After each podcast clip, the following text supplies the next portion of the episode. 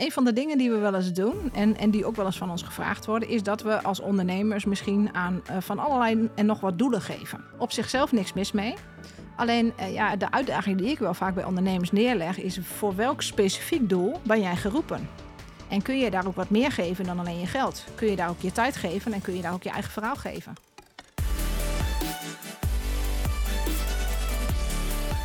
Welkom bij de In His Company podcast.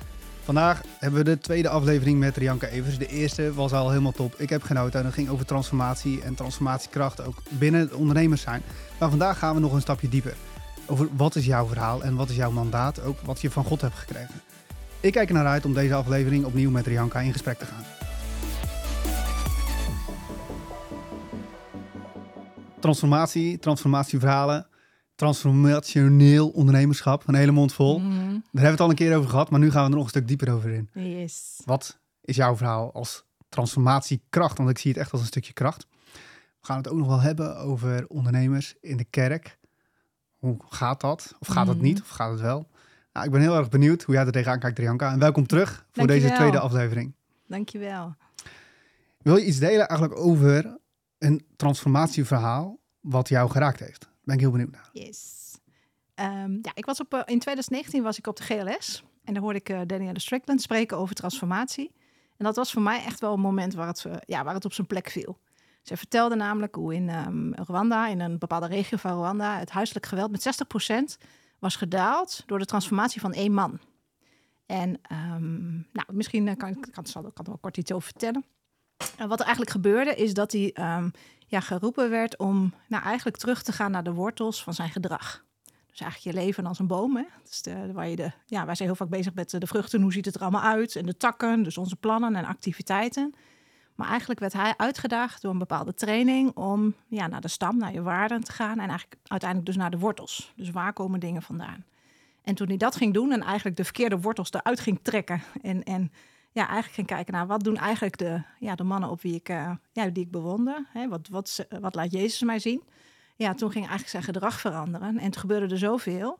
Um, ja, dat, dat eigenlijk de hele, de, het hele dorp kwam kijken. En, en de mensen van de kerk. En toen gingen, gingen ze allemaal die trainingen geven. En uiteindelijk leidde dat dus toe um, dat de 60, ja, het huiselijk geweld met 60% afnam. En, uh, en dat, ja, ik vond het heel cool. En, maar het voelde ook heel kloppend of zo. Mm. Dus en met dat ik nu, nu vertel, denk ik, dit is eigenlijk wel, het klinkt ook wel, linkt ook wel een beetje met mijn verhaal. Mm. Want dit is ook wel wat ik ging doen. Dus toen ik daarover ging vertellen, en ook als ik kijk naar wat mijn klanten doen, dat ja, die vertellen een verhaal en, en vervolgens brengen ze het verder. Dus ze maken het groter. Mm. Dus, dus ik geloof echt um, heel diep dat ons eigen transformatieverhaal een sleutel is om grote maatschappelijke problemen in de samenleving op te lossen. Wauw. Wauw, dat zeggen heel veel natuurlijk. Hè? Want je zegt iets over wortels, je zegt iets over gedrag, je zegt iets over de impact die dus op nationaal Yes. of internationaal niveau impact kan gaan hebben. Maar wat mij als eerste ook raakt is van uh, dat verhaal, 60% werd het uh, huiselijk geweld uh, nam af. Yes. Uh, doordat één iemand dat, dat al ontdekte. En, maar die man, ik, ja, dat, voor mij is het iets lang geleden, misschien heb jij dat iets scherper. Die man die kende Jezus al, of misschien Mhm. nog niet. Maar ergens ging die opeens Mhm. zien van, hé, hey, maar mijn wortels, dan mag ik nog in groeien of mag ik iets in aanpassen. Mhm, ja. Ergens is er zo'n bewust moment geweest. Kun je daar iets over delen?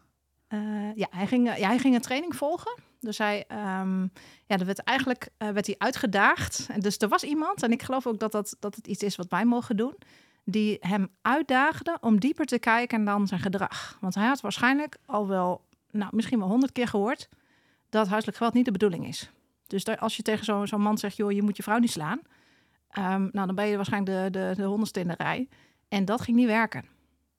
Maar ik denk dat hier mensen waren maar goed, het is ook een beetje mijn interpretatie van het Mm. verhaal. Hoor. Zeg ik er even heel eerlijk bij. Maar ik denk dat hier mensen waren die hem echt zagen. En die hem eigenlijk uitdaagden om een laagje dieper te kijken. En dat is wel iets wat me gewoon enorm aanspreekt. Omdat het ook iets is wat ik ja, heel graag met leiders en met ondernemers doe. Dus kijk eens een laagje dieper. Dus wat maakt nu dat eigenlijk de vruchten... Um, ja, die je ziet in je leven, die je ziet in je onderneming... eigenlijk niet zijn zoals je ze eigenlijk graag zou willen hebben. Mm. Waar heeft dat mee te maken? En heel vaak kom je dan gewoon echt bij diepere wortels van, van afwijzing en veroordeling, uh, van angst, uh, dingen die mensen hebben meegemaakt. Uh, dus, dus heel vaak zit, hem, zit hij op dat level. En als mensen bereid zijn om daar te gaan kijken, dus te gaan kijken naar, ja, wat is de wortel eigenlijk die uiteindelijk dus, want dat geloof ik echt hoor, dat dus de wortel de vrucht voortbrengt. Dus we kunnen eh, onze etalage nog zo mooi polijsten, Mhm. Maar uiteindelijk ja, gaan onze wortels bepalen welke vrucht we dragen. Ja. En ja, als je dus mensen dat ja, eigenlijk naast ze kunt staan, en ik denk dus dat dat alleen maar lukt als je ze echt lief hebt. Ja. Dus als je ze begint met ze te oordelen en zeg je, je moet je vrouw niet verstaan, dan was die waarschijnlijk al weg geweest. Mhm. Maar ja, door hem eigenlijk uit te dagen naar hey, wie ben je eigenlijk? En wat maakt eigenlijk dat de dingen in je leven zo gaan zoals ze gaan? En zullen we daar eens wat dieper naar kijken? Ja, daardoor gebeurde er iets in zijn leven. En ehm, ja, en eigenlijk, en dat, nou ja, dat, dat vertelt het verhaal ook, dat doordat hij dat zelf dus ging ervaren. In dit geval was het iets wat zijn vader tegen hem gezegd had eh, toen hij 14 of 15 was. Namelijk dat echt, nou ja, dat, dat hij echt, eh, zijn vrouw en zijn kinderen moesten echt respect voor hem hebben. En, en daar moesten ze bang voor hem zijn. Want als dat nou ja, als dat niet zo was, zeg maar, dan zou hij voor gek staan voor het hele dorp. Dus, dus dat soort boodschap had hij meegekregen. En daar, ja, die ging hij eigenlijk tegen het licht houden en zeggen: Ja, maar is dit de man die Hmm. ik wil zijn? En toen hij dat dus ging doen, eh, en dat vind ik dus het hele mooie, ook het wonderlijke ook van transformatie, dat hij helemaal niet bezig was zozeer met zijn gedrag, maar hij ging gewoon andere, andere wortels planten. Mhm. En toen veranderde zijn gedrag. Omdat hij toen, als hij, ja, als hij dan thuis zeg maar, tegen een, een bepaalde frustratie aanliep, ja, dan begon hij niet, niet direct te schreeuwen of te slaan, maar, maar begon hij iets te delen. Of, ehm, of ja, Daniel zegt zelf dat hij, dat hij echt zijn, voor het eerst zijn tranen liet zien, bijvoorbeeld. En ehm, ja, dus dat, ja, dat vind ik gewoon heel bijzonder. Dus, dus ik geloof ook dat dat zo werkt. En ik geloof ook dat Jezus zo werkt. Dus, dus ik zie ook heel vaak dat als hij eh, mensen aanspreekt, ook in, eh, als, wat we lezen ook in de evangeliën, dan, dan spreekt hij ze heel vaak aan op wie ze zijn en op wat er is. Dus hij gaat, als hij met zijn geest meegaat, dan gaat hij ook niet zeggen, eh, je moet eens even stoppen zo corrupt te zijn. Mhm. Hij, hij zegt, ik moet bij jou zijn. Mhm. Ik moet bij jou thuis eten. En ik geloof werkelijk dat hij geen woord gezegd heeft over het gedrag van geest. Mhm. Hij was er gewoon en doordat hij volledig ehm, ja, soeverein is, volledig rein is, vo- volledig heilig is, gebeurde er gewoon iets. eh, en, en hem onvoorwaardelijk lief had, laten we dat niet vergeten. Mhm. Daardoor gebeurde er iets in het hart van geest. Ja. Dat is wat ik geloof. Dat is ja, hoe ik denk dat transformatie werkt. Nou, bent geroepen volgens mij om het woord te delen. Nou, dat doe je al. Eh, Super mooi. Ja, dat is ook al. Ik zat een, je- je vertelt in, in, in een paar zinnen vertel je zoiets kenachtigs wat waar ik nog even bij wil stilstaan. Want ik kan me ook voorstellen als je dit hoort of als je dit ziet, dan mhm. ja, het, het klinkt zo. Het klinkt misschien wel te mooi om waar te zijn. Als Mhm. dit het kan, Ja. kan dit echt. En dan als ik dan zo terugdenk van ja, dat is dus een man die heeft dus ontdekt van hé, mijn wortels, eh, er mogen andere wortels voor in de plaats komen. Misschien een aantal gedachten die ik altijd heb geloofd. eh daar mag ik Gods waarheid overheen zetten. En je zegt ook direct, dat heeft ook te maken met, met zijn business. Mhm. Maar zou het zomaar, ik ben heel pragmatisch ingesteld, zou het zou kunnen zijn van als jij meer vrucht wil dragen, dus ook gewoon eh, simpel gezegd misschien meer omzet wil draaien of meer winst Mhm. wil draaien in je business, Mhm. kan het dus gewoon heel wijs zijn om dus te kijken naar je eigen gedragingen en dus waar die gedragingen vandaan komen, welke wortels daaronder zitten. Ja. Want dan kun je daar eens zeggen, hoe maak jij de koppeling tussen natuurlijk als persoon, ben je een ondernemer, wat is je eigen verhaal enzovoorts, Mhm. maar ja, hoe, hoe koppel ik het aan mijn onderneming? Mhm. Ja. Ehm, nou, ik moet echt aan een heel praktisch voorbeeld denken waar ik recent mee te maken heb gehad, waarin ik echt een gesprek had met. ehm, nou, ik heb, het- ik heb het overigens meerdere gesprekken over schaarste en overvloed gehad de laatste tijd met Ah, ondernemers. Leuk. Dus sowieso een heel interessant thema. En ehm, ja, wat ik, wat ik merk is als we daarover gaan spreken, dan ontdekken we eigenlijk dat overvloed eigenlijk niet iets is wat op je bankrekening staat. Maar overvloed gaat over wat je in je hart gelooft. En het effect daarvan is ook overvloed op je bankrekening. Mm, je als je het om. het doet, ja, het is echt een omgekeerde manier van denken. Dus zo geloof ik ook echt dat dat schaarste. Ik, ik moet heel vaak denken aan Egypte en het beloofde land. Mhm. Dus ik geloof dat schaarste eigenlijk heel erg gaat over je hoofd. En nou ja, soms is ons denken echt een kleine farao, een slavendrijver die zegt eh, werken, werken, werken, doen, doen, doen. Grote paleizen, veel invloed en machten en van dat soort zaken. Dus, dus dat is heel vaak wat, eh, wat daar gebeurt. Terwijl als we eh, ja, eigenlijk hem gaan volgen, dus, dus ervaren dat hij in eh, de wolkolom bij ons is, dat hij ons elke dag voorziet van wat we nodig hebben, eh, ja, dan, dan brengt hij ons naar een, land van melk en honing. En dat heeft dus veel meer te maken met, met wie je bent en hoe je denkt en hoe je naar jezelf kijkt. Dan dat je dus heel hard moet gaan zitten werken voor, en heel veel marketing gaan moeten doen en, en, en weet ik wat allemaal niet meer. Ehm, dus het heeft veel meer te maken met wie jij bent. Dus, dus ik geloof echt dat de vruchten die mensen dus zien. Eh, en ja, natuurlijk mag je eh, aan marketing doen hoor. En natuurlijk mag je dingen laten zien. Sterker nog, mensen moeten ergens wel iets van je horen. Mhm. Alleen ehm, de inzet waarmee je dat doet. Dus, dus wat ben je aan het doen? Ben je jezelf aan het laten zien? Dus, oh, ben je eh, nou, vanuit vertrouwen aan het delen? Of uh, nou ja, deel je voor de likes, om maar even zo te zeggen. Mhm. Dat maakt een wezenlijk verschil. Mhm. En, ehm, en dat is echt wel iets wat ik, ja, wat ik zelf ook heel sterk heb ervaren. Dus ik heb ook de andere kant gezien. Hè? Dus, dus mijn eerste boek was echt een heel groot succes. Stond ik echt een jaar lang op alle podia die je kunt bedenken. En ik dacht, is dit het nu? Ehm, terwijl ik afgelopen jaar ben ik met een relatief kleine groep leiders bezig geweest op dit identiteitsniveau. En dat is echt rijker dan je kunt bedenken. Mm. Ik vind het echt zo fantastisch wat God doet. Mhm. Dus, dus ja, dat, dat gaat heel erg ook over waar, ja, waar voel je voor geroepen. En doe je de dingen ook waar God je voor geroepen heeft. Dan, dan mag je er gewoon op vertrouwen ook dat je vrucht draagt. Ja. En jouw focus moet dus niet zozeer zijn op de, op de buitenwereld. ehm, ehm, en zelfs niet eh, in eerste instantie op je klanten. Dat is pas in tweede instantie, want daar zal ik zoiets over vertellen. Mhm. Maar veel meer op wie ben jij? Wat heeft God in mij gelegd? Ehm, maar ook wat staat nog in de weg? Dus wat, eh, want dat is wel, ik, ik vind te vaak als het gaat over je bestemming en purpose en dat soort zaken, gaat het heel vaak over je talenten en zo. En waar ben je goed in en van dat soort dingen. Misschien je profiel.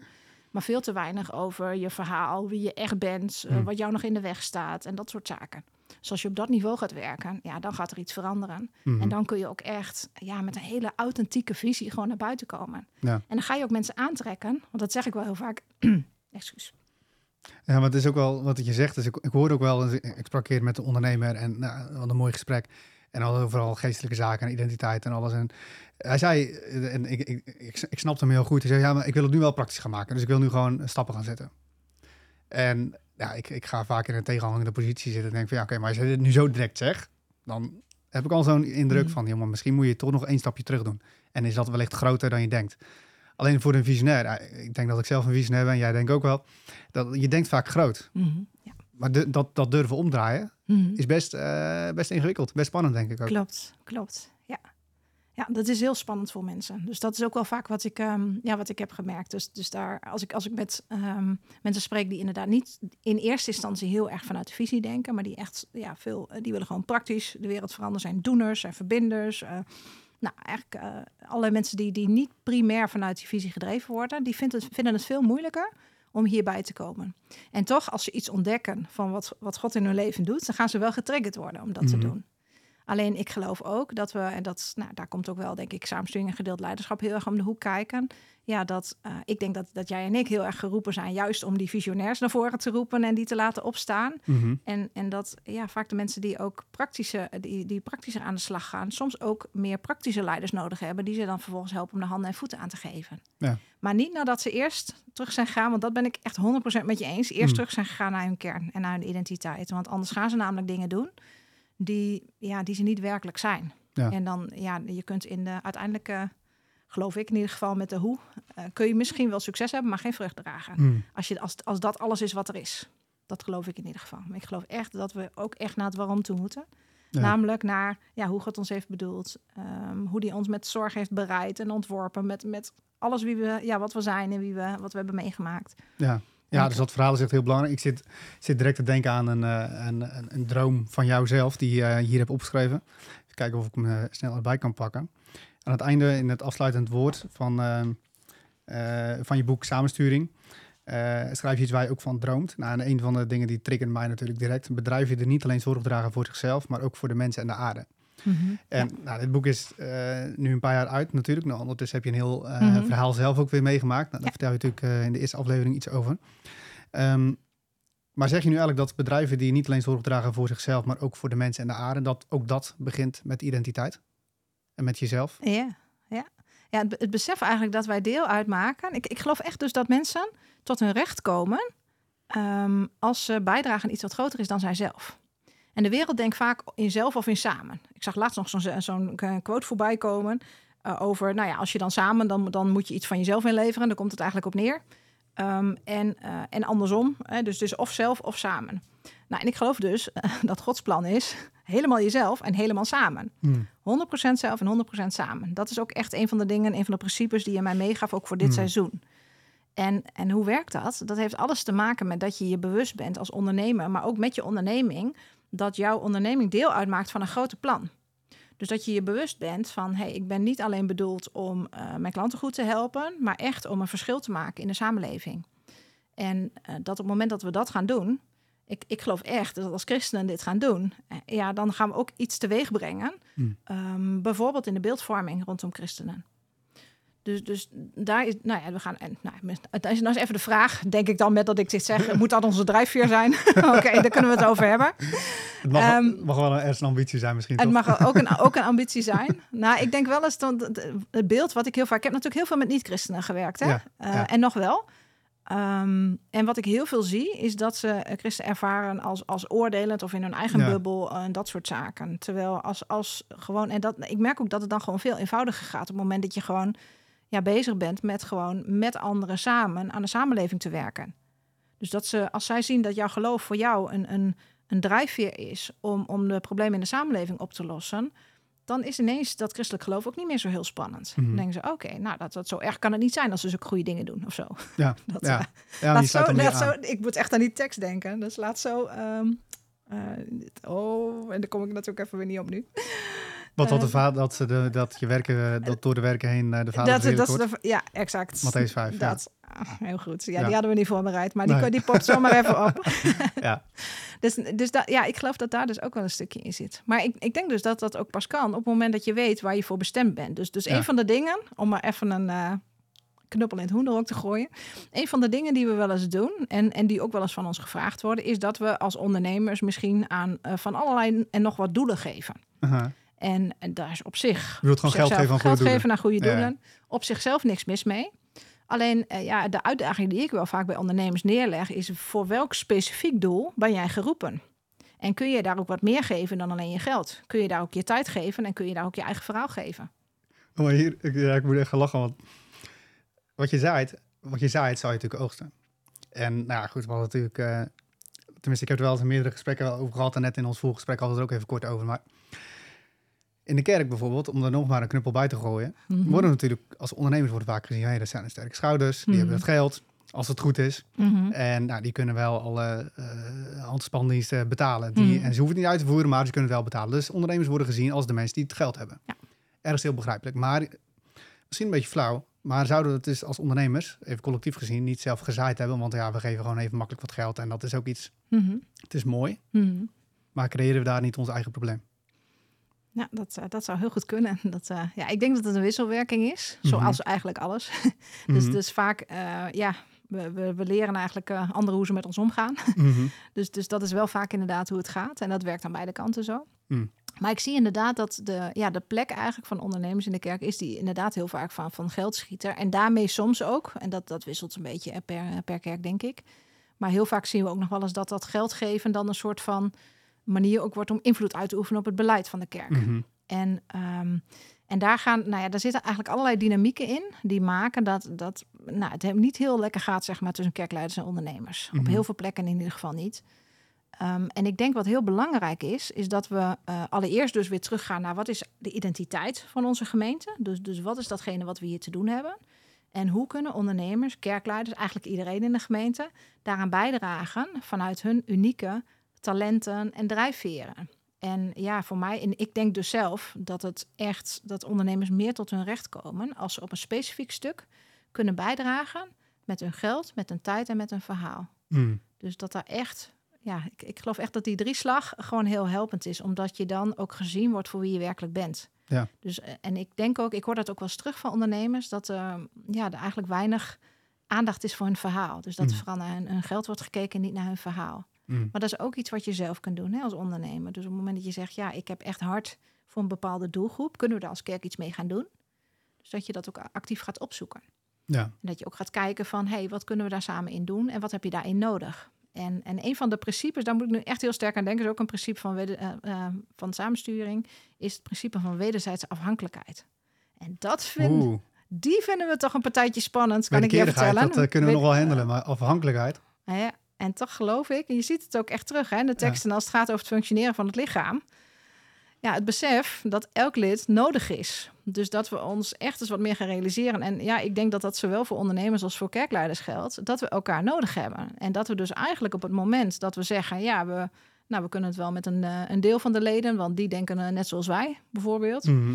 Uh, of als ondernemers, want dat zie ik ook best veel, die zich echt, uh, ja, toch ook wel in ieder geval in, in hun nou, bediening afkeren van de kerk en echt ja, los daarvan dingen gaan opzetten. Voor sommige, dat kan, voor sommige mensen zijn ervoor geroepen hoor. Dus, dus Mm. het is niet zo dat het altijd verkeerd is. Maar als het voortkomt uit een, eigenlijk een afzetten tegen de Die kerk, wortel. dan klopt de wortel inderdaad Mhm. niet. Dus, ehm, dus dat is wel echt iets om je, ja, om je te realiseren. Dat we echt, ja, ik geloof echt, we geroepen zijn om te functioneren als een lichaam. En dat betekent dus een stukje wederzijdse afhankelijkheid. Mm. En inderdaad, wat jij zegt, eh, autonomie en eh, wederkerigheid. mm, nou, dat gaat nog wel, maar dan is het heel vaak eh, geven en nemen. Hè? Dat Mhm. we dat even, even goed opschrijven, dat dat in balans is, zullen we zeggen. Maar wederzijdse afhankelijkheid, nou, die voelen we ook wel gelijk. Daar zit echt een laagje dieper. Ja. Dat je je echt beseft dat je gewoon, nou, laat ik voor mezelf spreken. Ik, ik heb, ben, heb echt ontdekt dat ik in sommige dingen ben ik gewoon niet zo goed. Ja. Ben ik gewoon niet zo goed in. Lekker. Dus, dus denk ik, nou, dat is toch fijn. Ja. Laat ik me vooral richten op wat God mij gegeven heeft en waar ik goed in ben. En Ja. dan kan ik echt eh, die andere stukjes kan ik aan mensen geven die daar weer goed in zijn en die daar heel blij van worden. Ja. Want je doet mensen uiteindelijk geen recht. En dat, ik heb dat wel, eh, nou, ook, eh, ook dit uit eigen ervaring. Ik heb veel, veel geleerd uit eigen ervaring. Ik vertel het aan jullie, zodat je niet dezelfde fouten maakt als ik. Ik heb heel lang gedacht dat ik gewoon mensen kon leren om gewoon te doen wat ik doe. Mhm. Dat leek me heel logisch. Want ik dacht, ja, deze principes zijn zo logisch. Dus eh, dat kan ik. En dan, als jullie dan gaan leren, dan doe je allemaal precies wat ik doe. Dat is niet zo. Ja, ik kan mensen deze principes leren, maar zij zullen elke op hun eigen unieke manier daar mooie dingen mee gaan doen. Maar ze doen niet wat ik doe. Mhm. En daar doe ik zo geen recht mee. En het is ook niet eens de bedoeling. Ja. Want wat gaat er gebeuren als je dat doet? Dan ga je volgers creëren in plaats van nieuwe leiders. Ja. Dus dat, Dat, is, geen transformatie dat eigenlijk. is geen transformatie. Ja. Dus, dus dat is ook wel hoe ik heb ontdekt dat principes en kaders echt wel belangrijk zijn, omdat die het ook ehm, ja, objectiveerbaar en overdraagbaar maken. Dus dat het niet, het hangt niet van jou af. Mhm. En, ehm, en dat, nou, ik vind het eigenlijk een hele relaxte gedachte. Dat ik denk, nou, het hangt dus niet van mij af. En dingen waar ik niet zo goed in ben. Nou, dat, dat- heel veel dingen. Nou, ja, natuurlijk, het is niet dat je niet eh, kunt zeggen van, nou, nu doe ik gewoon helemaal niks meer wat ik niet leuk vind. Dat zo Mhm. is het ook weer niet. Maar, maar wel dat je je realiseert dat je, nou, dat, dat anderen gewoon sommige dingen beter kunnen. En, en Ja. dat je voor sommige dingen stiekem toch wel een beetje afhankelijk bent van de ander. En zij Ja. van jou weer voor iets Ja. anders. Ja, dus dat is het, koning, of het koninkrijk of het lichaam van Christus. Eh, dus waar ondernemers dus een hele belangrijke plek in hebben, maar dus ook niet alles hoeft te doen.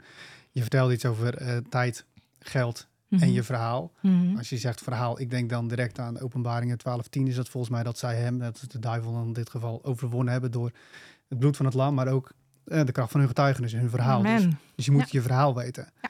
En nou, daaraan gekoppeld, en dan ben ik benieuwd hoe, hoe, jij daarnaar kijkt. Je zei natuurlijk in het begin, ja, maar de business heeft dus zoveel impact dat het de wereld kan veranderen. Mhm. Dat is Ja.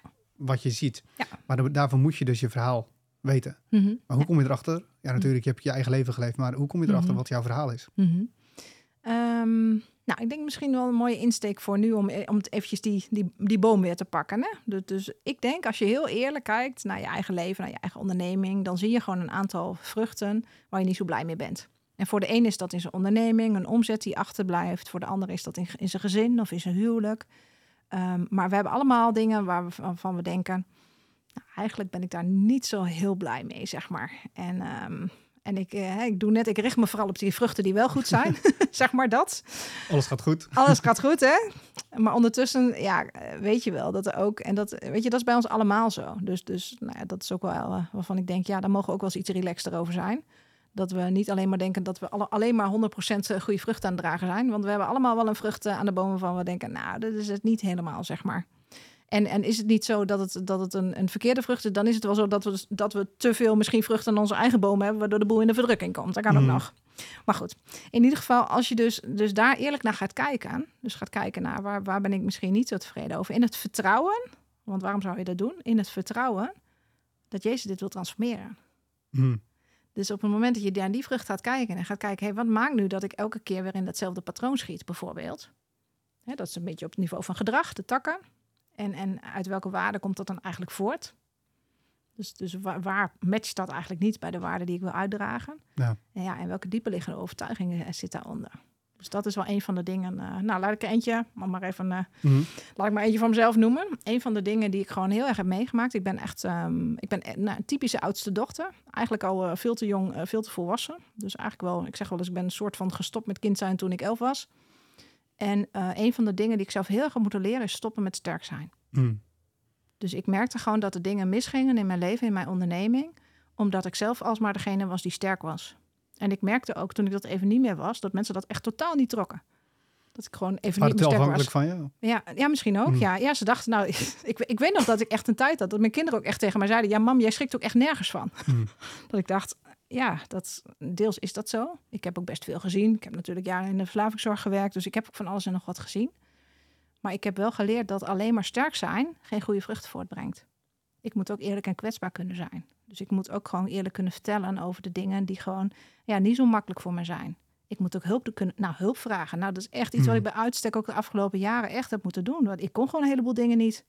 Ik, kon, ik heb periodes gehad dat ik gewoon dus echt niet kon autorijden. Dus dan moest ik gewoon echt, als ik dan ergens naartoe moest, moest ik aan iemand vragen om me te brengen. Nou, enig idee hoe dat voelt als je altijd gewend bent om sterk te zijn? Dus, dus dat is even, als je het hebt over het niveau van, van de wortels, ja, dan gaat het echt Mhm. over dit soort dingen. En dan zie je dus ook, en dat vind ik dus het hele mooie, en dat, dat is echt wat ik het afgelopen jaar in het bijzonder heb ontdekt, dat dat juist in mijn zwak zijn. Want ik ben echt wel eens opgestaan dat ik echt dacht, dit wordt echt helemaal niks vandaag. En dan ging God echt fantastische dingen doen gewoon door me heen. En ik ben ook wel eens eh, prima opgestaan en dat Mm. ik dacht, nou, dat ik dacht, nou, dit, eh, dat, dat het helemaal niet zo goed ging. Ja. Dus daarin heb ik ook weer ervaren, het hangt niet van mij af. Sterker nog, in, in mijn zwakte is hij sterk. Hmm. Dus nu denk ik, nou, misschien moet ik gewoon meer kwetsbaarheid gewoon laten zien, zodat er ook meer van hem zichtbaar kan worden. Dus, dus daar, eh, ja, dat is echt wel een. En dat is een proces hoor. Want ik, eh, ik, dat zit er natuurlijk nog steeds wel een beetje in hoor. Dat ik soms, eh, ja, ik, eh, ik ben ook graag sterk. Wie niet als ondernemer. Mhm. Maar ja, ik heb wel echt een stap gemaakt naar ja, dat ik ook kwetsbaar mag zijn. En dat ik het soms ook niet mag weten. Dat ik, ehm, ja, ik, en dat, ja, dat moest ook. Hè. Op een gegeven moment kon ik gewoon ook dingen niet. Dus dan, ja, ik moest dingen afzeggen. Dat ik, Mhm. ik krijg het gewoon niet voor elkaar, jongens. Dat, ehm, dat lukt me gewoon niet. Ja. Ik heb hulp nodig. Ja. Nou, dat, eh, nou ja, dat is echt het niveau van wortels. En als je dat, eh, ja, als je daarmee bezig gaat, dan zie je dus ook. En dat is echt iets wat ik dus ook heb mogen ervaren. Dat, eh, ja, dat God dan echt mooie dingen gaat doen. Ja. Ik ben wel eens echt letterlijk op pad gegaan afgelopen jaar. Dat ik echt dacht, ik kan dit niet en ik heb geen idee wat ik moet doen. En dan vroeg ik het aan de Heer. En het enige wat hij zei is genoeg. Mhm. Wat ik je geef is genoeg. Ga nou maar. En ik had geen idee wat ik ging doen. Maar dat, eh, ik deed maar gewoon inderdaad wat, wat ik op mijn hart kreeg. En, en het was echt fantastisch wat God deed. Klinkt niet Dus- echt een stereotype ondernemersverhaal. niet? Nee, nee, want ik bedoel, veel mensen die, weten ergens wel waar ze naartoe willen, hebben doelen gesteld, of visie en bla. En die gaan gewoon doen omdat ze dat hebben bedacht. Ja, ja. Maar dit is echt een stukje loslaten. Dit is echt loslaten. En, en ik kan je zeggen, ik kom hier vandaan. Hè? Dus ik was ook iemand van de, de visie en de doelen en de lange termijn en de meerjarenplannen en dat soort zaken. Dus, dus dit was echt ongelooflijk spannend voor mij. Ehm, en het is ook niet dat ik nooit meer met, uh, ik geloof nog steeds wel dat ik op het visiestuk, dat ik daar mag ik echt dingen doen. En, en Hmm. ik ervaar ook echt dat God me daarin echt hele mooie dingen geeft. Maar ik heb ook echt bij momenten gewoon heel intens mogen ervaren dat het uiteindelijk niet van mij afhangt. Mm. Dus dat, dat ik gewoon gehoorzaam moet zijn. Als God me ergens naartoe stuurt of iemand op mijn pad brengt en ik denk, oh, ik kan het niet. En dat denk ik echt best vaak hoor. dat ik denk, hoezo dan? God brengt soms mensen op mijn pad, leiders op mijn pad, waarvan ik denk, hoezo moet ik die coachen? Die zouden mij moeten coachen. Dat kan Mhm. ik toch helemaal niet, heer? maar hij zegt, ja, doe het nou maar. Wees nou maar gehoorzaam. En, en dan ga ik dat doen. Terwijl ik dus nog niet precies weet hoe en wat en waarom. Mm. En dan zie ik dat hij het doet. Ja. En ik denk dat dat heel erg de transformatie is geweest die, ja, die in die kwetsbaarheid zit. Mm. Ja, dat is heel persoonlijk. Dicht, ja, dicht bij jezelf blijven hoor je natuurlijk vaak. Maar dit betekent dat. Het is om echt dicht bij jezelf te zijn, kwetsbaar zijn.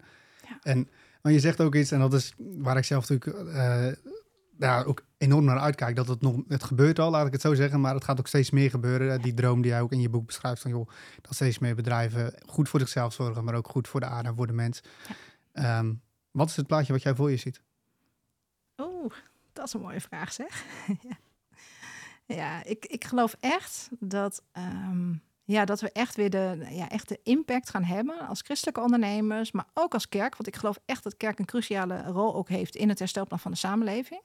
Dus ik wil echt, ja, dat wil ik echt ook even hier benadrukken. Dat, dat het niet, voor mij is het niet alleen een, ehm, een verhaal van de, van de ondernemers, maar juist ook, ook van de kerk. Dus, Hmm. dus, maar samen als lichaam van Christus ja, denk ik echt dat wij in staat zijn om echt grote maatschappelijke problemen op te lossen. Door mensen weer in contact te brengen met hun identiteit. Als in wie ze werkelijk bedoeld zijn te zijn. Dus, dus als je dat heel praktisch maakt, als je het hebt over een thema als armoede bijvoorbeeld. Ja, dan moeten mensen dat echt weer gaan geloven. Dat echt gaan geloven mindset dat ze, bedoel je? Ja, het gaat echt over mindset. Dus als zij ja, geloven dat ze bedoeld zijn voor meer. En ze krijgen hulp ook om daar te komen. eh, en dat kunnen wij als christelijke ondernemers en als kerk. ehm, dan zul je gaan merken dat we in staat zijn om dat te doen. Maar ik geloof wel dat we een beetje ehm, ja, echt af moeten van dat wij, um, moet ik dat nou zeggen? Ja, het, het moet een beetje van het liefdadigheidsdenken af. Mhm. Dus we helpen mensen met, en ja, we geven in de nood, maar veel belangrijker, we helpen ze ook om het te herstellen in hun identiteit. Of misschien zou je moeten zeggen dat ze eigenaarschap over hun eigen leven krijgen.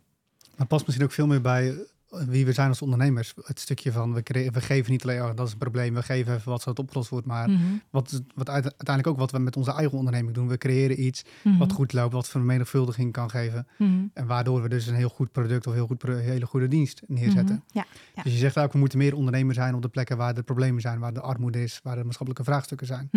Ja. En, ze- en, maar je zegt ook best wel grote dingen natuurlijk. Hè? Dat wij kunnen, je zegt eigenlijk van, joh, maar wij kunnen dus armoede oplossen Ja. als christelijke ondernemers. Mhm.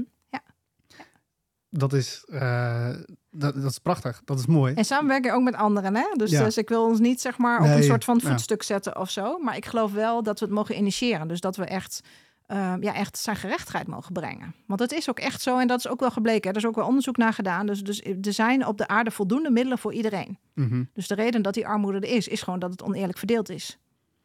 Dus het gaat over herverdeling van middelen. Dus misschien, dat, daar moet ik nu ook wel heel erg aan denken. Misschien als het gaat over identiteit, gaat het niet alleen om de mensen die in armoede leven te herstellen hun identiteit.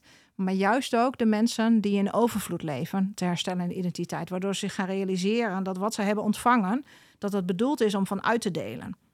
En niet om het allemaal voor jezelf te houden en in eh, eh, grote huizen met eh, zware hekken ervoor eh, Mhm. te leven alleen maar. Ehm, maar om ervan uit te delen, om de wereld ermee mee te zegenen. Ja, En, maar wat eh, als iemand zegt van, joh, maar eh, eh, ik denk dat er genoeg ondernemers zijn die het gelukkig heel goed voor elkaar hebben, gewoon Ja. goed voor zichzelf hebben gezorgd. En dat, is Ja. dat is prachtig, dat is mooi. yes. Maar natuurlijk de, de hele simpele oplossing, ja, geef je geld. Maar dat, ik zou persoonlijk, geld geven is hartstikke leuk. Mhm. Maar dat geeft voor mij persoonlijk niet voldoende voldoening. Nee.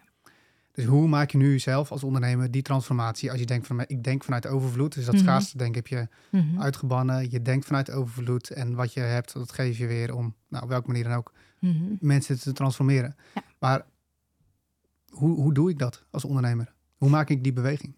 Nou, ik, ik denk heel praktisch, als je niet, niet heel veel ervaring hebt met dit soort problematiek ook, ga als vrijwilliger werken. Mm. Dus ga, ga als vrijwilliger werken bij het Leger des Heils, bij de Voedselbank. eh, eh, eigenlijk op plekken waar mensen zijn eh, die hulp nodig hebben. En ga met ze in gesprek. En ga vooral ontdekken, want dat is iets wat je namelijk zult ontdekken, dat zij jou evenveel te leren hebben als, als jij hen. Dat is in ieder geval iets wat ik ook heel erg geleerd heb. Dus, dus dat is echt wat er gebeurt. Dus, dus ja, ik zeg ook altijd, als je echt er is geen enkele plek waar je zoveel als Jezus kunt zien dan op plekken van gebrokenheid. Mm. Dat is gewoon de place to be als je de Heilige Geest aan het werk wil zien. Dus, Mm. dus ga er naartoe. Dus Ja. meld je aan als vrijwilliger. Overal zijn vrijwilligers nodig. En ga gewoon een stuk van je tijd apart zetten om daarmee bezig te zijn. En ga dan kijken, want dat zul je merken als je een tijdje meeloopt met zo'n vrijwilligersorganisatie bijvoorbeeld. Dan zul je gaan merken waar de nood zit en waar jouw eigen verhaal en jouw geld eh, een zegen kan zijn. Mhm. Ehm, maar ik denk dat je het pas ervaart op het moment dat je echt in direct contact komt. Dan, dan gebeurt er ook iets hoor. Dus ik zie ook dat ook vaak gebeuren. Dat als ondernemers bijvoorbeeld in contact komen met, werkelijk in contact komen met de mensen eh, met de directe nood, dat het heel veel ook met hen doet. Mhm. Ehm, dus dat is echt wel iets, eh, ja, durf echt dat contact aan te gaan en te zien dat dat net als jij, dat zijn mensen zijn die gemaakt zijn naar Gods evenbeeld. En, en dat jij mogelijkheden hebt, gewoon door wie jij bent en door met ze in gesprek te gaan en een kop koffie te drinken, dat jij het, de mogelijkheid hebt om het verschil te maken. En als je dat wat langer doet en je, ja, je loopt tijd mee, en je hebt waarschijnlijk al wel, dat ik geloof dat heel erg, dat heel veel mensen echt wel een bepaalde doelgroep ook op hun hart hebben om te helpen. Ehm, als je dat een tijdje doet, als je een, een tijd als vrijwilliger daarmee bezig gaat, dan zul je, zal God je ook denk ik ook mogelijkheden laten zien om dit op een hoger plan te brengen. Mhm. Om die organisatie te zegenen, om misschien iets nieuws te starten. eh, maar begin maar eens met, met gewoon het gesprek aangaan. Mm. Ik denk dat dat heel belangrijk is. Ja. Ja, ja, dan heb je die connectie gelegd. En dan is, eh, ik, ik geloof ook, tenminste persoonlijk geloof ik dat er ook echt seizoenen zijn. Dus inderdaad kan een seizoen zijn van dat je inderdaad met die eh, doelgroep in aanraking komt. Maar ik kan me ook zo voorstellen dat het ook ondernemers een bepaald beklemmend gevoel geeft van ja, maar dan moet ik één dag in de week moet ik eh, eh, aan, aan een eh, organisatie geven in mijn Mhm. tijd, terwijl ik ook gewoon eh, of bijvoorbeeld nog heel veel geld kan maken met mijn business, dat kan geven aan een goed Mhm. doel, of wat dan Mhm. ook. Ja. Dus ik kan me voorstellen dat het ook ergens beklemmend voelt. Maar stel Mhm. nu dat we die fases door zijn. We hebben, je hebt contact gehad met de doelgroep, je hebt tijd gestopt in mensen, je hebt Mhm. de Heilige Geest aan het werk gezien. En tegelijkertijd ben je gewoon hartstikke eh, geroepen als ondernemer. En dan? Ja. Wat, eh, wat, wat ga je dan doen? Want dan, ehm, ja, we kunnen andere mensen gaan helpen. Mhm. Maar dat voelt voor mij persoonlijk heel. Dan heb je die ongelijkwaardigheid, zeg maar, denk ik, te pakken. Misschien zie jij dat anders. Maar hoe kan ik nu vanuit mijn business. En ik weet welke doelgroep ik op mijn hart heb. Mhm. Wat ga ik dan, wat, ja, wat ga ik dan doen? Mhm. Als ik die doelgroep ja, ja, ken, zeg maar. Kan nog best ingewikkeld zijn, denk ik. Ja, ja. ja, ik denk dat het heel belangrijk is om inderdaad te kijken wat heb je zelf op je hart gekregen. Want er zijn namelijk mensen die bijvoorbeeld heel veel eh, oog voor strategie en beleid hebben gekregen. Die dus misschien wel geroepen zijn om juist eh, heel erg ook te lobbyen, zich in te zetten bijvoorbeeld in de politiek, Mhm. om eens wat te noemen. Eh, anderen ehm, zijn juist veel meer, ehm, misschien meer, meer verbinder en, en willen juist ook, die kunnen juist mensen samenbrengen. Die kunnen hun netwerk mobiliseren om dingen voor die groep voor elkaar te krijgen.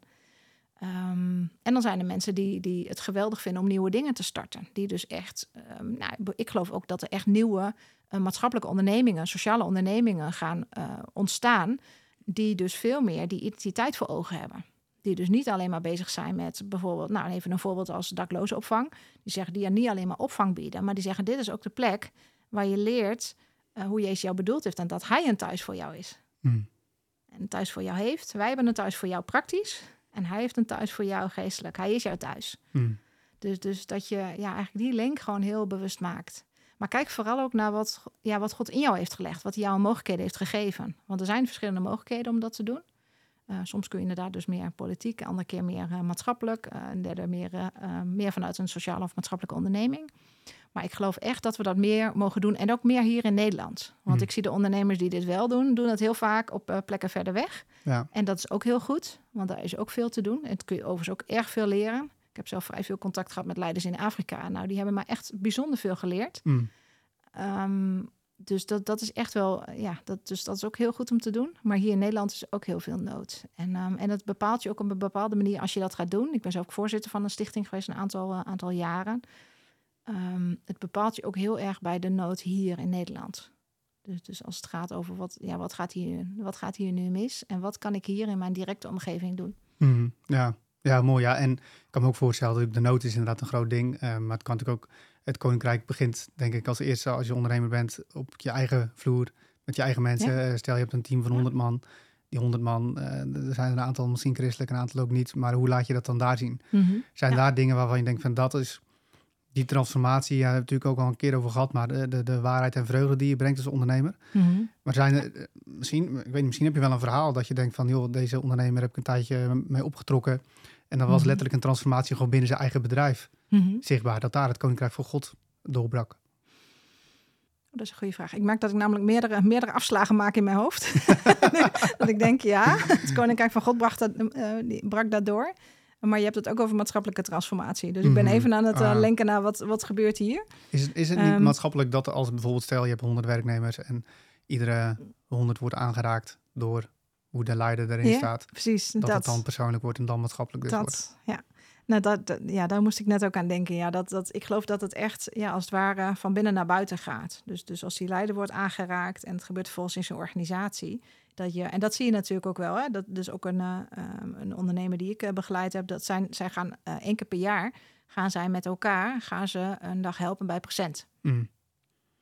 Dus, dus dat zijn manieren waarop je eigenlijk ook vervolgens ook, nadat, nadat je dat zelf bent gaan doen, dat je ook je medewerkers mee kunt nemen in hey, dat het gewoon normaal is en goed is om dingen te doen voor je medemens. Dus op die manier kun je, ja, kun je echt ook, kun je dat ook gewoon praktisch maken. Mm. Maar, eh, maar ja, wat ik vooral heel erg zie gebeuren, is gewoon dat eh, ja, in de organisatie is dat mensen echt ja, inderdaad hersteld worden in hun identiteit. En, en, dat, en dat vergeten we vaak, maar het is ook gewoon ehm, business technisch, zeg maar, is, is dat ook gewoon geweldig. Want we Mhm. zien bijvoorbeeld dat de medewerkerstevredenheid en de productiviteit, die schiet gewoon omhoog. En dat heeft er alles mee te maken dat mensen gewoon echt ervaren dat zij door wie zij zijn en wat God hen heeft gegeven, ja, kunnen bijdragen aan iets wat groter is dan zijzelf. Dus, dus dat is eigenlijk wat we zien gebeuren. En, eh, en dat, nou ja, dat heb ik al in verschillende organisaties mogen zien. Dat, ehm, ja, dat als dat gebeurt, als mensen dus echt ja, ook rondom nou, gaan verzamelen rondom dat gezamenlijk doel en de eigenaarschap en een gedeelde verantwoordelijkheid komt. Ja, dat mensen echt ervaren, ja, maar mijn stukje doet ertoe. Hm. Dus en ja, en misschien juist ook wel die wederzijdse afhankelijkheid die daarin heel belangrijk is. Dat mensen echt ervaren, ja, ik kan bijvoorbeeld niet, ik, als, ik, als ik mijn stukje niet doe, dan raakt eigenlijk, eh, ja, raakt alles uit balans. Dat besef, dus dat je beseft dat je iets unieks kunt bijdragen aan de organisatie. En dat als jij dat dus niet doet, dat dus die hele organisatie iets mist. Ja. Ik, ik merk dat dat heel krachtig is voor mensen. Dus dat ze, waar ze voorheen misschien dachten dat ze inwisselbaar waren als medewerkers, dat ze dachten, nou, voor jou tien anderen. Ik, Hmm. ik, nou, ik heb zelfs wat leidinggevenden meegemaakt die dat soort dingen gewoon eh, durven te zeggen. Mm. Ik dacht, nou, dat is echt, zijn geen slechtere dingen om te zeggen als het gaat over de identiteit van mensen. Want je zegt eigenlijk gewoon dat ze gewoon inwisselbaar zijn. Ehm, maar op het moment dat je laat zien dat dat dus niet zo is, dat, dat zij echt met hun unieke kwaliteiten, dat zij ertoe doen en dat ze gewoon iets brengen wat niemand anders brengt, gewoon omdat ze zijn wie ze zijn, Mhm. ja, dan doet dat wel heel veel in organisaties. En, eh, en ik geloof dus inderdaad ook dat dat dan ook vervolgens zal uitstralen ook naar de omgeving. Dus dat, ehm, en nu hadden we het net over een aantal maatschappelijke doelen, maar ik denk dat het ook inderdaad werkt binnen het bedrijf, maar ook in de, eh, ja, die, de, de directe invloedssfeer. Dus, dus denk aan de gezinnen, maar ook aan de buurt of wijk of de stad waar, die, eh, waar het bedrijf gevestigd is. Daar gebeurt wel iets op het moment dat daar een bedrijf is wat op deze manier, ehm, ja, op, op deze manier werkt en ehm, ja, eigenlijk eh, straalt. Mhm. Want dat is denk ik wat het. Het gaat echt over floreren en over bloeien. En, en dat zien mensen. Mensen zien die vruchten. Dus, Ja. dus die willen dat ook. Ja, ja. Ja, aan de ene kant, als ik ja, nu zo met je praat, ik zie een eh, gepassioneerd, je vuur, je hebt hart voor eh, ook maatschappelijke thema's, super mooi om te zien. En dan je, ja, dat kan je echt niet maken als iemand gewoon op, iemand op zijn identiteit eigenlijk aan de kant zet, van eh, voor jou tien anderen. Zijn er dan nog eh, meer van die zaken waarvan je denkt van, ja, maar jongens, kom op, hier, ma- hier ben ik gewoon echt boos over, dit, dit kan echt niet. Zijn er meer van die zaken Hmm. die je denkt ja, maar dit moeten we gewoon echt, dat moeten we gewoon aanpakken. Mm, Oeh, heb je even? Nou ja. Je mag er eentje noemen. Oké, dat is fijn dat je mij een beetje kaders meegeeft. Ja.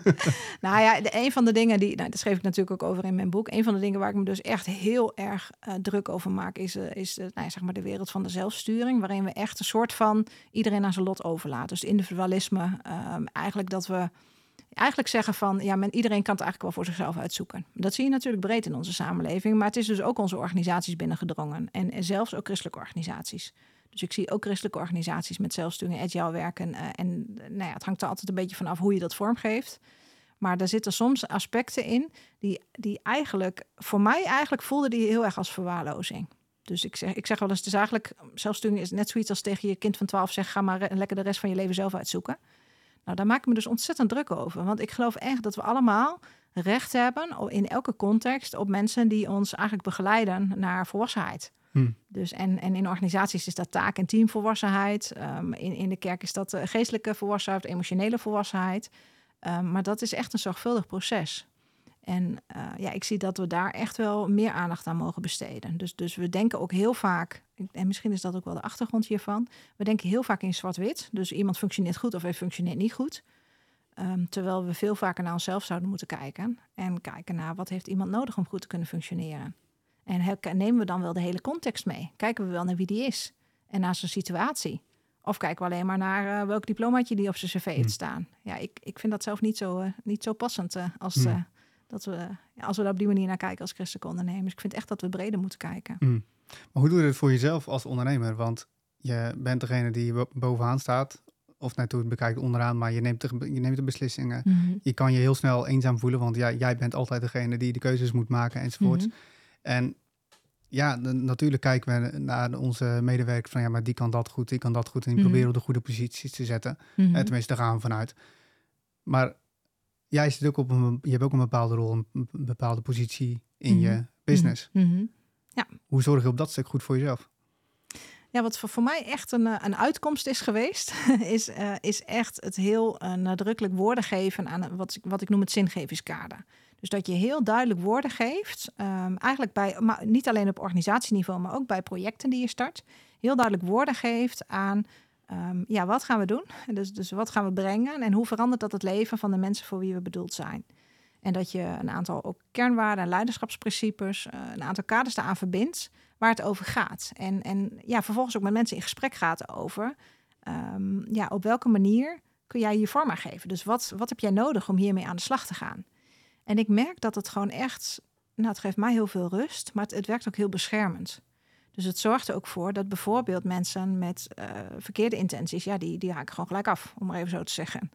Maar ook eh, mensen die ehm, ja, eigenlijk hele andere dingen willen, of, of eigenlijk helemaal niet zo verbonden zijn. Eh, ja, je, je voorkomt gewoon heel veel problemen aan de voorkant. Ook dit heb ik overigens door schade en schande geleerd. Want ik was eigenlijk van iedereen mag erbij en zo. Mm. van dat, hè. Dus daar kom ik vandaan. En dat heeft, heeft echt heel veel problemen opgeleverd. Dus ik heb gemerkt dat sinds ik gewoon van tevoren echt een heel helder zingevingskader heb. En dat is dus eigenlijk, ik ben een, nou, van de leiderschapsrollen van samensturing, ben ik dus de bewaker van het collectief doel. Dus dat is ook voornamelijk wat ik doe.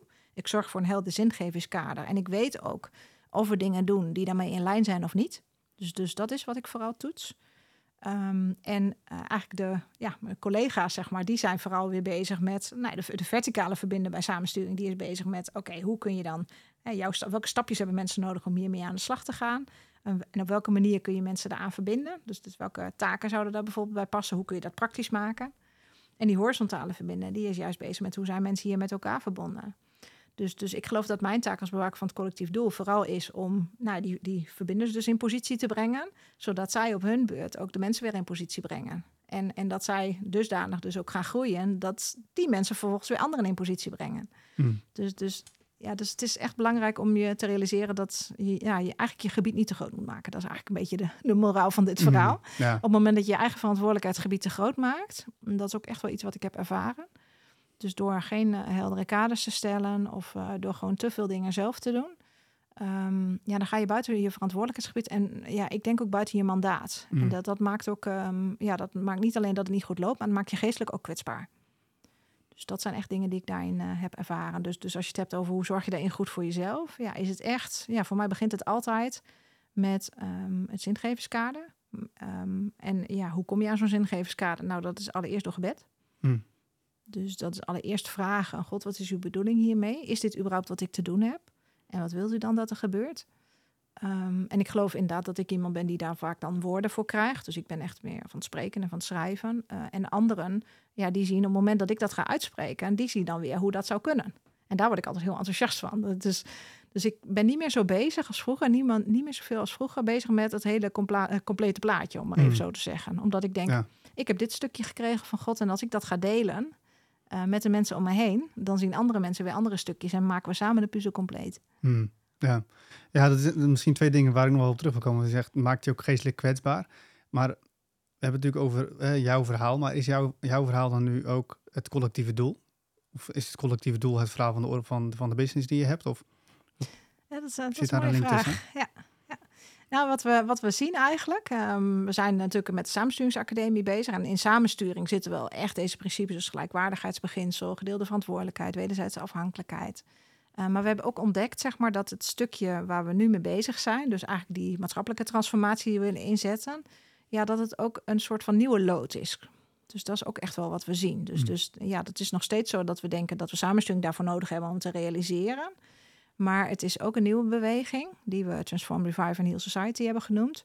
Die gaat over uh, radicale eerlijkheid en kwetsbaarheid. En um, ja, daar, ik, ik denk ook, ik zie dat ook als ik in, uh, in mijn werk met leiders, dat uh, dit ook een specifieke groep leiders is die hiervoor geroepen is. Dus, dus veel meer leiders kunnen werken met samensturing. Mhm. Maar er is een specifieke groep leiders die um, echt ook, ja, die, waarvan ik ook echt zie dat God met ze bezig is. Dus dat er eigenlijk, nou ja, nagenoeg iedereen heeft de afgelopen jaren echt ja, dingen ervaren uh, die hen echt op, echt op een ander spoor hebben gezet. Um, en die ook zelf, ze hebben zelf ook een herstelverhaal. Dus Mhm. dat is wel vaak ook een, een belangrijke check ook voor mij. Dus, dus ik geloof dat door hun verhaal heen, ja, God ook herstel brengt in de samenleving. En ik geloof ook dat samensturing, dus, dus daar, dat, is, dat is denk ik het samensturing meer het collectieve verhaal, zou je Mhm. kunnen zeggen. En uh, ik denk inderdaad dat het ja, transformationele deel is echt specifiek wat God op mijn hart heeft gelegd voor dit seizoen. Hm. En, uh, en het kan dus, en dat is het mooie. Ik heb nu een collega die, uh, ja, die heel nadrukkelijk ook um, met Samensturingsacademie gewoon heel nadrukkelijk ook inzichten van God heeft gekregen. Ik zeg wel eens, jij bent Gods tekenaar. Hm. Dus zij kan echt dat tekenen en vormen en structuur geven. En ik, ja, ik, het zou dus best kunnen zijn dat het stuk voor dit seizoen binnen een Samensturingsacademie wat meer haar verhaal gaat worden. Hm. En dat lijkt me eigenlijk prachtig. Ja. En daarin zo kunnen we elkaar versterken. Je zo toch samen aan het sturen in je eigen business? Dat is mooi. Ja, ja dat doen we. Ja. Ja, Ja, en dan dus- geestelijke kwetsbaarheid. Hoe, want je zegt van ja, als je dat eigenlijk niet weet, dus je collectieve doel niet weet Mhm. misschien, of je eigen verhaal niet goed weet, Mhm. eh, maakt je ook geestelijk kwetsbaar. Mhm, Ja. Ja, een van de, een van de dingen die, ehm, die ik zelf bijvoorbeeld heb meegemaakt is... eh, nou, ik zei al, ik was heel erg van iedereen, eh, iedereen kan meedoen, even kort gezegd. Ehm, en ehm, nou, ik, had, ik had gewoon echt t- te laat door ehm, dat uh, de vijand dat maar wat makkelijk vond. Dus die, uh, ik heb echt wel mensen in, in mijn opleiding en ook in mijn organisatie gehad. Die echt, en met name ook toen ik met samensturing in de kerken aan de gang ging. En het, echt, nou het geloof echt steeds prominenter, zeg maar. We steeds zichtbaarder werden. Ja, die, echt, die zich echt tegen mij gingen keren. En dat heeft echt hele nare dingen opgeleverd. Dus, dus dat is echt wel iets wat ik gewoon... Nou, ik was gewoon veel te naïef ik dacht, nou, iedereen die gelooft in samensturing, zeg maar, die mag meedoen. En, hmm. um, en ik had natuurlijk ook, en dat, die, dat was mijn ervaring, hè, ik had ook meerdere mensen al gehad die niet geloofden. Nou, en die bracht ik dan gewoon bij Jezus. Dus ik dacht, nou, de rest uh, komt ook wel, zeg maar. Kom maar goed. um, dus ik heb wel gemerkt dat ik daarin, um, nou, daar, daar ben ik wel uh, een beetje van, uh, van genezen, van al te veel overmoed, om het maar even zo te zeggen. Dus, dus ik, ik, ja, ik schep wel heldere kaders. Dus het is nog steeds niet zo, want ik, ik werk nog steeds ook met niet-christenen. Um, maar, maar ze weten wel dat Jezus mijn bron is. Mm. En um, ik vraag ook van hen om, dat, om dat te respecteren. En uh, er zijn dus ook sommige dingen die zij niet kunnen doen uh, op het moment dat zij dat niet vanuit een geloof doen. Dus, dus dat zijn wel kaders, zeg maar, die, die belangrijk zijn om te doen. Dus, dus daar, uh, nou ja, daar heb ik echt wel in, mm. in moeten leren. Dus ik, ik denk nog steeds wel dat ik echt wel, want dat merk ik ook. Ik heb heel makkelijk ingang ook bij niet-christelijke ondernemers bijvoorbeeld. Um, dus dat, ik denk dat dat er nog steeds is. Maar ik heb wel gemerkt dat dat zeg maar tot een bepaalde hoogte gaat. En dat er op het moment dat, er, nou ja, dat het een, een laag dieper gaat of een stap verder gaat, dat ik soms ook meer van mensen moet vragen. En dat op het moment dat mensen niet bereid zijn om die stap te zetten, ja, dat ik dan echt moet accepteren dat het, nou ja, dat het stopt bij een bepaalde hoogte, om maar even zo te zeggen. Of, of nou, het heeft misschien ook te maken met de cirkels, zeg maar. Dus hoe, mm.